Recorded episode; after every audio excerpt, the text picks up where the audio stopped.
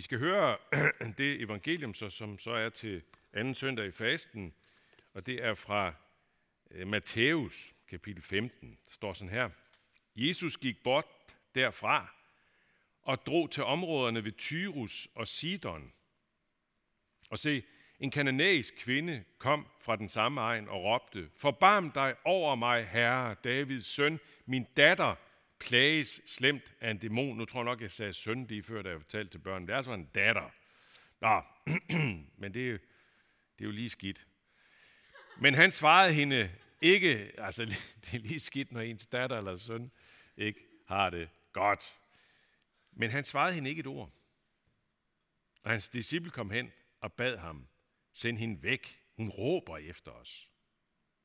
Han svarede, jeg er ikke sendt til andre end til de fortabte for af Israels hus. Men hun kom og kastede sig ned for ham og bad, Herre, hjælp mig.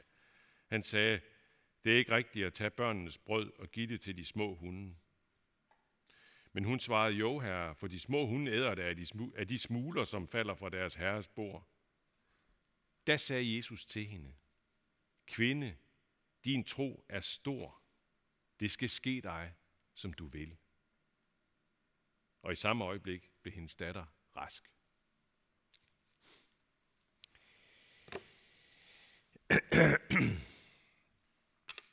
Jeg forestiller mig, at øh, det her billede, vi får af Jesus i den her beretning, det, det, øh, det forstyrrer det billede, vi i almindelighed går og har af Jesus. Jesus, som, som vi normalt øh, tænker om som den her, der altid er imødekommende og fagnende over for, for de allerfleste, og ikke mindst over for de, de udsatte, eller de udstødte, eller de små, eller kvinder, og sådan, som meget nemt kunne være de lidt udstødte, eller uds, udsatte, de lidt perifere i den tids kultur. Sådan har vi jo Jesus-billedet, ikke? Men her, her holder han igen over for en kvinde. Han er tavs. Han øh, siger ikke noget. Og så da han begynder at sige noget til hende, så er det umiddelbart ikke specielt venligt. Det er nærmest uvenligt, ikke? Altså det her med hunden, og de skal da ikke komme og spise af, af bordet og sådan noget. Så du er en hund, ikke? siger han nærmest indirekte til hende. Der er noget vigtigt i, i det her forstyrrende Jesus-billede. Og det er det, jeg bare godt lige vil sætte fokus på i dag i den korte prædiken. Det her ene moment, det forstyrrende Jesus-billede her. Vi har nemlig brug for, som jeg også sagde det indledningsvis, at blive forstyrret i vores almindelige Jesusbillede eller i vores almindelige Gudsbillede. Hvorfor er det vigtigt? Det er det, fordi ellers ender det med, at Gud lige så stille glider ind og bliver skabt i vores billede. Og dermed ender det med, at ateisterne får ret, når de siger, at religionens Gud eller guder, det er i virkeligheden bare en projektion, altså en overførelse af den menneskelige længsel eller behov eller idealer. Og så bygger man et gudsbillede op ud fra det, siger de. Og så får de ret. Hvis Gud skal være virkelig Gud, hvis Gud skal være uden for os, før os og over os, så må vi leve med, at vi ikke har styr på ham. Og dermed også, at vi heller ikke har styr på Jesus. Og jeg vil sige også, bare sådan lige i en parentes, at fastetiden er jo i den grad også en tid, der forstyrrer Jesus-billedet. Altså denne vandring mod Jerusalem, som ender i Jerusalem, og hvor Jesus-billedet hos hans tilhængere blev altså ikke bare forstyrret, det væltede fuldstændig, da han hænger på korset. Ikke?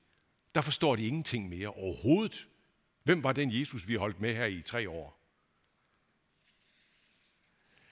Da jeg var præst i Nordnorge, der, det har jeg nævnt før, tror jeg, der havde jeg en, en, en sjælsøver og skriftefar, som hed Bør Knudsen, han var også præst. Han blev engang interviewet til den norske avis Morgenbladet, og øh, der sagde han noget, som jeg gerne vil læse for jer nu. Han sagde sådan her, vi har en jaloux Gud, uhyre sårbar og uhyre hurtig. Han går fra handlingslammelse til det modsatte på et øjeblik. Det er det, der er Guds billedet. Denne kærlige Gud sidder ikke og mimrer og laller. Gud er lidende og lidenskabelig. Sådan sagde han. Han var en original. Han var et vidunderligt menneske. Og et utroligt skønt tænkende menneske også. Og han har ret. Det er grænseoverskridende, det han siger her. Men jeg tror, han rammer lige midt på skiven, når det drejer sig om Guds billede. Både det Guds billede, vi møder i Bibelen, som på ingen måde er pænt og velfriseret og kan skrives op på et A4-ark, men også det gudsbillede, som vi gør os erfaringer med. Den Gud, vi erfarer. Som slet ikke, i virkeligheden slet ikke passer til det ellers normalt pæne, velfriserede billede, vi sådan går og bærer på, eller måske foretrækker på en eller anden måde. Men vi forstår slet ikke altid Gud, ud fra vores konkrete liv. Den engelske øh, litteraturprofessor og forfatter C.S. Lewis, han, øh, han blev gift øh, i meget sen alder. Han var vel, øh, tror jeg, 56 år gammel. Så blev han gift. Det var faktisk i første omgang bare et proforma-ægteskab, men det blev et meget, meget lykkeligt ægteskab med Joy. Og øh, så sker der det, at hun øh, efter tre et halvt år dør hun af kræft. Og så stopper det helt bræt. Og Louis han prøver at skrive sig igennem sorgen, og det blev udgivet som sådan en lille bog, som på dansk hedder En sorgens dagbog. Den anbefaler jeg meget. Og i den skriver han blandt andet følgende. Min forestilling om Gud er ikke en guddommelig forestilling. Den må tilintetgøres igen og igen. Han tilintetgør den selv. Han er den store billedstormer. Kunne man ikke næsten sige, at denne tilintetgørelse er et af tegnene på hans tilstedeværelse? Når vores gudsbillede forstyrres af Gud selv, så stilles vi over for en langt virkeligere Gud. En Gud, som vi ikke har kontrol på. En Gud, som vi ikke kan regne ud, hvilket ikke betyder, at vi ikke kan regne med ham. Men at vi kan regne med ham, det er ikke det samme som, at vi kan regne ham ud. Og dermed bliver vi altså stillet over for en Gud, som til syvende og sidst vil give os meget mere tiltro. Altså det bliver en meget mere troværdig Gud, fordi han på den måde er levende og virkelig.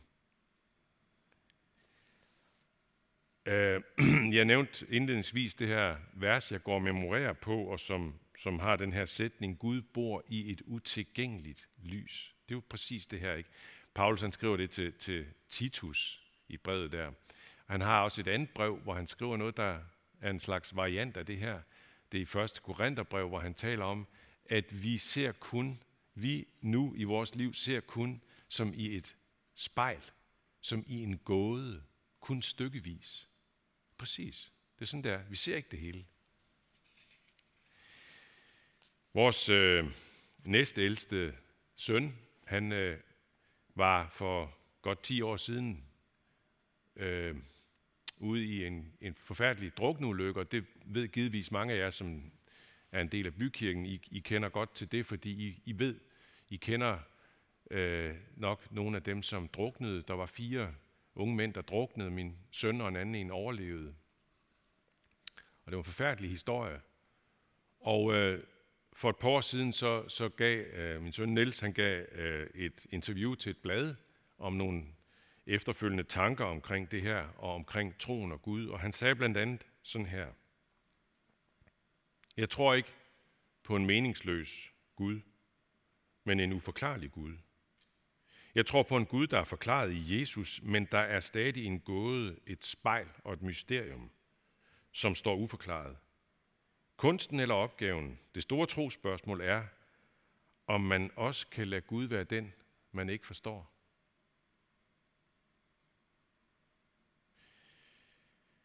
Den her refleksion fra, som jeg nu har citeret både fra C.S. Lewis og fra, fra Niels, det er jo ikke noget, der er kommet på den lette måde. Mildest talt ikke. Det har været igennem virkelig hårde tider for begge to at de er nået frem til de her tanker. Så når Gud forstyrrer vores gudsbillede, så snakker vi ikke om sådan en lille hyggelig forstyrrelse. Vi taler om noget, der kan være rigtig svært. Og jeg er helt sikker på, at der er nogen af jer derhjemme, der sidder og nikker lige nu, fordi I kender det. I ved, hvad jeg, hvad jeg siger. Ikke? Rigtig svært. Noget, der kan opleves som Guds tavshed som om Gud vender os ryggen, som om Gud ikke er der. Men den her hændelse med Jesus og den kananæiske kvinde, den tænder os et stærkt lys i alt det svære. Gennem Guds tavshed, gennem Guds tilbageholdenhed med at svare på vores indtrængende bønder, der lærer vi langsomt, langsomt, at Guds planer er langt højere end vores. Guds tanker er langt højere end vores tanker. Og det kommer til at give os på den lange bane nogle erfaringer af Guds svar, som kan overmande os med en glæde, der er langt større end den glæde, vi ville have haft, hvis vi bare havde fået svar på det, vi sådan umiddelbart bad om, også indtrængende bad om. Det vi ønskede os. Men svar, som overstiger langt disse ønsker. Da jeg var præst på Nørrebro for godt halvandet år siden, så gik jeg i en periode og tykkede på et bibelvers, som kom til mig i en tid, hvor jeg synes det hele var meget trist og mørkt. Det er sådan en anden længere historie. Nogle af jer har måske hørt lidt om det, men altså, det var periodisk enormt svært for mig at være der, selvom København er charmerende. Øhm, men Aarhus er også meget, meget hyggelig. Nå, jeg gik der og var trist og mørkt til sinds, og så, øh, så sidder jeg og så kommer jeg til at læse et bibelvers fra første Mosebog, den første bog i Bibelen, kapitel 28, hvor der er den her historie om Jakob og Esau, tvillingeparet Esau og Jakob, øh, født af, eller med, med, som er, er sønner af Isak. Og øh, der er den her historie med Jakob, der simpelthen snyder sin tvillingebror, da de er blevet voksne, ikke? så snyder han ham for arven og får den trukket til sig. Og så bliver Esau rasende og vil slå ham ihjel. Og Jakob flygter øh, og er fuldstændig på den, ikke? og ud af landet, og han er, han er i en forfærdelig situation. og øh, derude i, i, i frygten og uvidsheden og, og på flugt fra det hele, øh, så, så sover han en nat ude i det fri der, og, og, og så kommer der en drøm til ham, hvor han ser en himmelstige, en stige, der går op mod himlen, og han bliver øh, sådan helt, øh, øh, altså at bliver grebet af en, et Guds nærvær, og Gud, der siger til ham, jeg passer på dig, jeg vil velsigne dig. Og han vågner, og så kommer det her bibelvers, som så kom til mig der i København. Så står sådan her.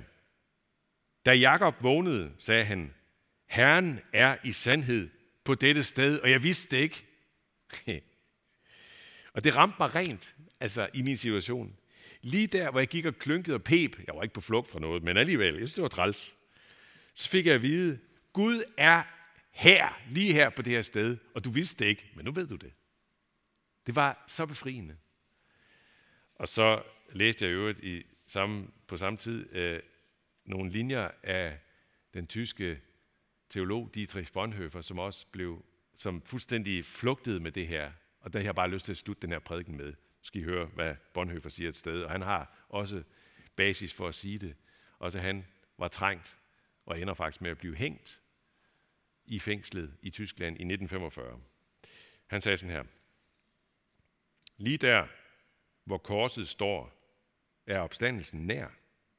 Lige netop, når alle mister tro på Gud, hvor alle tvivler på Guds magt, er Gud fuldt ud til stede, og Kristus er levende og nær.